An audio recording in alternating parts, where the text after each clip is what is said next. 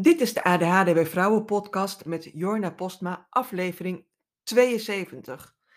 Dat gaat dus best wel heel erg hard als je elke werkdag een nieuwe podcastaflevering maakt. Want november is podcastmaand. Dus elke werkdag een nieuwe aflevering van de podcast. Met vandaag uh, nog een aflevering in de reeks over executieve functies en dan wel flexibiliteit. Want ik zeg altijd van mezelf dat ik hartstikke flexibel ben. Dat je met mij alle kanten op kunt, behalve de verkeerde. Dat is ook een standaard zin die mijn moeder altijd zegt. Maar dat is niet helemaal waar, daarover later meer.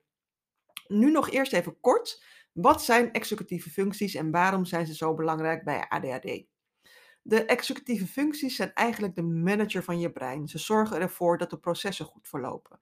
En soms betekent dat dat ze als rem fungeren, zoals bijvoorbeeld bij emotiecontrole en uh, impulscontrole. Soms dat ze juist aan de gang helpen, zoals bij taakinitiatie en doelgericht gedrag. Bij ADHD werken deze functies soms minder goed. Ik zeg soms, omdat er ook momenten zijn dat ze prima functioneren. Daarover later iets meer. Dus dat betekent niet dat ze stuk zijn of dat ze het, helemaal niet kunnen. Maar ze functioneren soms minder goed.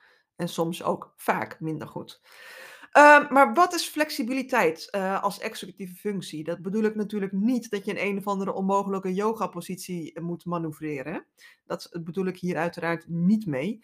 Ik denk, ik zeg het maar even expliciet voordat je je rug breekt of je benen met een of andere bijzondere pose.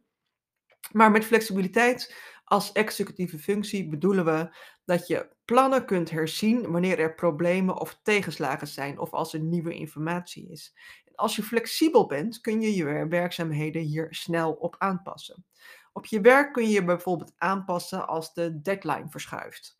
Ik kan me voorstellen dat als de deadline naar achteren verschuift, dat het sowieso makkelijk is om je aan te passen. Maar als hij wat naar voren verschuift, um, dat je daar meer moeite mee hebt. Of als je planning plotseling verandert door onvoorziene omstandigheden.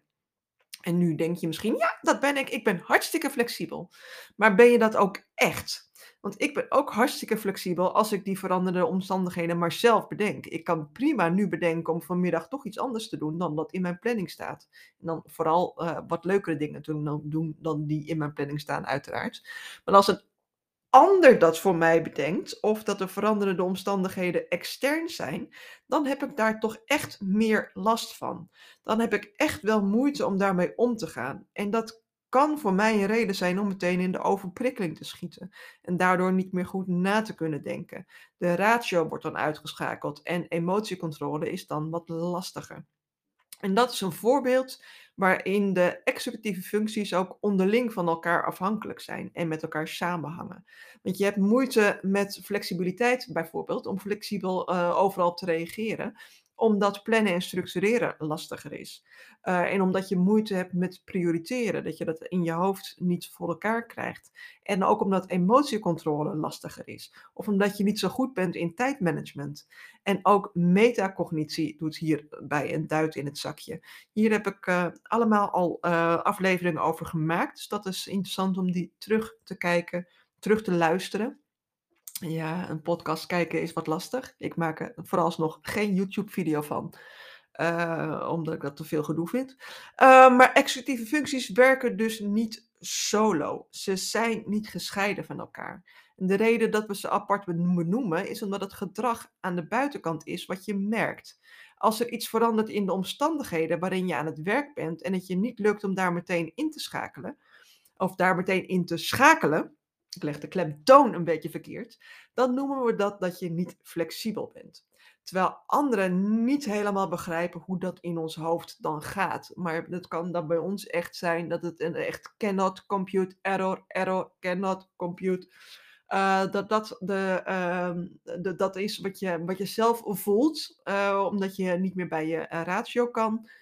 En dat wat een ander dat ook ziet. Dat je echt met glazige ogen iemand aan zit te kijken van... Uh, ik weet niet wat jij aan het doen bent, maar uh, ik, ik ben er even niet. Want ons hoofd werkt gewoon net iets anders dan bij anderen. En we zijn eigenlijk altijd op zoek naar manieren om dat te maskeren. Um, we zijn eigenlijk altijd aan het doen alsof. Dat heet masking, oftewel maskeren. En daar zijn we best goed in, maar dat kost wel wat. Een hoop energie bijvoorbeeld.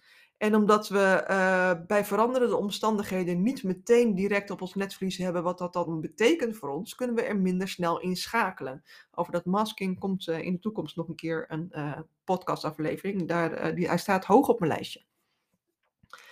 We moeten eigenlijk, als er verander, veranderende omstandigheden zijn, opnieuw from scratch de kaders schetsen die er nodig zijn. Want waar anderen de kaders uit zichzelf al helder hebben, hebben wij dat niet. Wij ADHD'ers zijn ontzettend goed in out-of-the-box denken en hebben daardoor ook een enorm probleemoplossend vermogen. Want problemen oplossen vraagt vaak ook om een enorme creativiteit. En die hebben we wel, alleen niet meteen. En het voordeel van out-of-the-box denken is dus die creativiteit. En eigenlijk is het bij ADHD ook meer zo dat er helemaal geen box is. Waar anderen van zichzelf al een kader hebben waarbinnen ze denken en doen, dus die box, hebben wij dat niet, of in ieder geval een stuk minder. Wat voor anderen een stuk van zelfsprekender is, is dat voor ons niet of minder. En dat heeft dus heel veel voordelen en tegelijkertijd ook nadelen. Het zijn twee zijdes van dezelfde medaille. Of zoals ik vaak zeg, all magic comes with a price. Het zijn geen tegenstellingen, het hoort bij elkaar. En dat is vaak iets waar we lastig mee om kunnen gaan. Helemaal nu in een maatschappij waar eigenlijk alles draait om perfectie. Willen we alleen alle goede eigenschappen en niet de minder goede of de lastige eigenschappen hebben. En willen we het ene dus graag wegstoppen en het andere gebruiken. Maar dat gaat natuurlijk niet. Hier had ik het ook al kort over in de afleveringen over emotiecontrole als executieve functie. Dat het lijkt alsof we allemaal alleen maar gelukkig willen zijn en alleen maar positieve gedachten willen hebben, terwijl dat natuurlijk helemaal niet kan. En uh, gek genoeg is juist het accepteren dat dat niet kan, uh, brengt dat juist een hele hoop uh, rust met zich mee en daardoor ook weer een hele hoop levensgeluk. En het, het lijkt dus een paradox, maar het is het niet. En het lijkt nu ook alsof ik een klein beetje ben afgedwaald. Maar dat is niet zo. Ik wilde juist expres dit punt maken om te laten zien dat het niet alleen maar ellende is als je het over ADHD hebt. Um, dus dat er tegenover elke slechte eigenschap ook een goede eigenschap staat. En je, en niet de goede eigenschappen alleen uh, kunt destilleren en de slechte eigenschappen kunt wegstoppen. Dat bestaat niet. Je kunt uh, hooguit leren om de slechte eigenschappen uh, te ondersteunen, terwijl je dan de goede eigenschappen gebruikt zoals uh, ik net ook al zei, all magic comes with a price. Dus ook die goede eigenschappen uh, die ADHD met zich meebrengt, dat kost een prijs. En het zijn namelijk de wat minder fijne eigenschappen.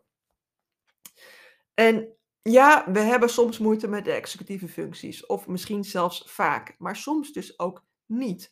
En dat laatste heeft te maken met een andere ADHD-eigenschap, die eigenlijk heel waardevol is, namelijk dat je altijd precies weet wat je wel en wat je niet leuk vindt. Ik zie ADHD namelijk altijd als een feilloos kompas. Dat je precies vertelt wat je wel leuk vindt en wat je niet leuk vindt. Wat je wel leuk vindt, daar krijg je energie van. En daarbij werken de executieve functies over het algemeen helemaal dikke prima. Maar wat je niet leuk vindt, dat kost energie. Voornamelijk omdat de executieve functies dan minder goed werken. Dus kost het je heel veel meer energie om je aandacht erbij te houden. Of om je uh, werkgeheugen optimaal te benutten. Of om die taak te starten. Of om die taak vol te houden. Dat kost dan veel meer moeite als je een taak saai vindt en als je een taak leuk vindt. En van nature eigenlijk precies weten wat je leuk vindt en wat niet, dat is heel veel waard. Alleen proberen we onszelf dat af te leren en dat maakt het lastig. Omdat onze maatschappij meer is ingericht op task-driven mensen en wij meer interest-driven zijn. Dus uh, waar anderen vaak meer taakgedreven zijn, zijn wij vaak meer door onze interesses gedreven. Dus als we iets leuk vinden, dan krijgen we het wel voor elkaar. Alleen als we het stom vinden, uh, een stomme taak, krijgen we het niet voor elkaar. Omdat we uh, niet zo taakgedreven zijn. Het gaat ons niet om de taak af te maken, het gaat om, ons, om onze interesse te volgen. En moeite hebben om flexibel om te gaan met veranderende omstandigheden heeft vooral daarmee te maken. Als het om taken gaat die we leuk vinden, dan kost het ook nauwelijks moeite. Dan lukt het om heel probleemoplossend te werk te gaan. Als het om taken gaat die we lastiger vinden, dan kunnen wij niet terugvallen op goed werkende executieve functies. Daar hebben we gewoonweg meer tijd voor nodig.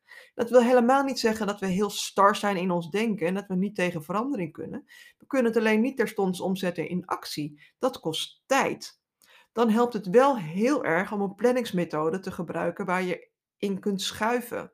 Uh, voor mij is dat de bullet journal methode. Om, of je die nu digitaal gebruikt of met pen en papier, die werkt voor mij gewoon heel erg goed. En voor anderen ook.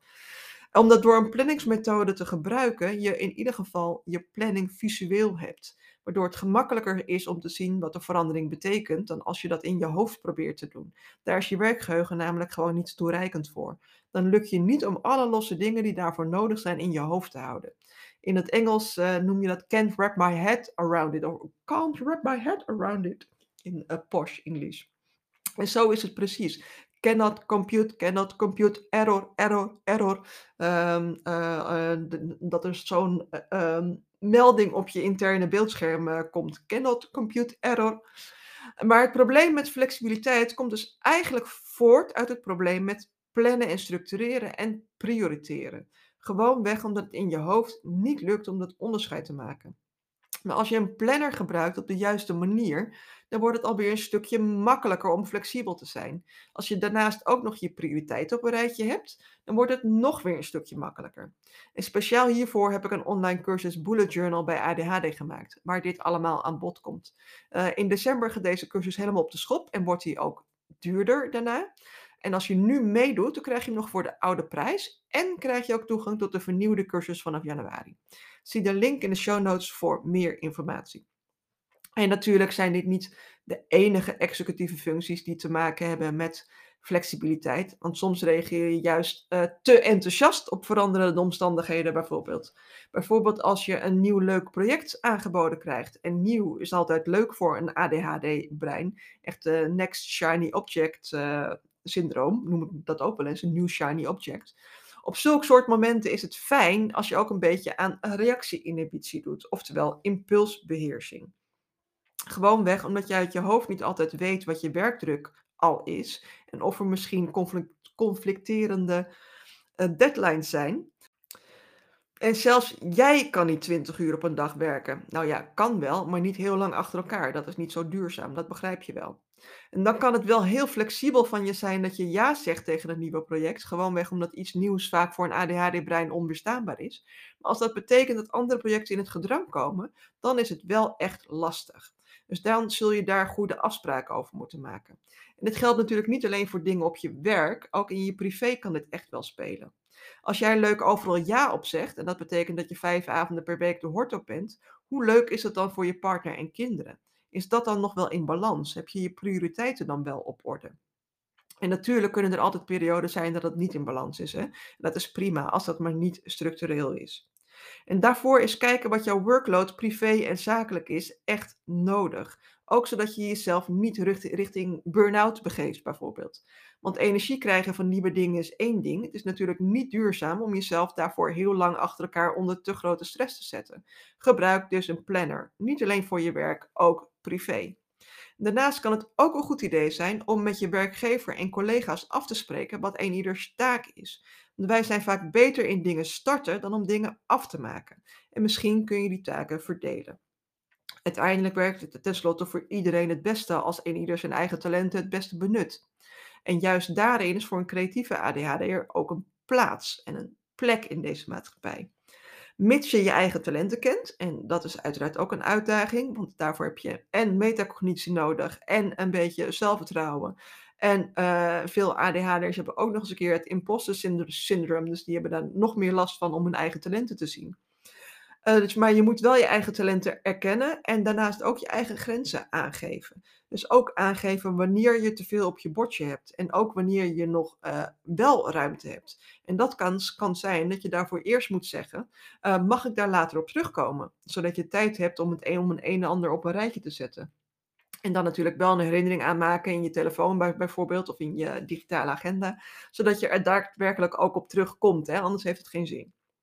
Ik heb het voor mezelf inmiddels zo ingericht dat ik met één oogopslag zie waar ruimte zit en waar niet. Helpt ook heel erg dat ik voor mezelf werk en sowieso allemaal zelf mag bepalen. Uh, natuurlijk, als ik mijn doelen maar haal. Maar ik heb dus wel heel erg duidelijk voor mezelf waar ik heen wil en wat mijn doelen zijn. En daardoor kan ik dus ook vrij makkelijk schakelen in dit is nu niet belangrijk. En als er dan iets tussen komt wat dan wel belangrijk is, kan ik daar dus veel makkelijker mee omgaan. En dat is het onderwerp voor de volgende aflevering. Dat is namelijk doelgericht gedrag en volgehouden aandacht. Want die twee hangen voor mij heel erg met elkaar samen. Voor nu bedankt voor het luisteren en tot de volgende keer.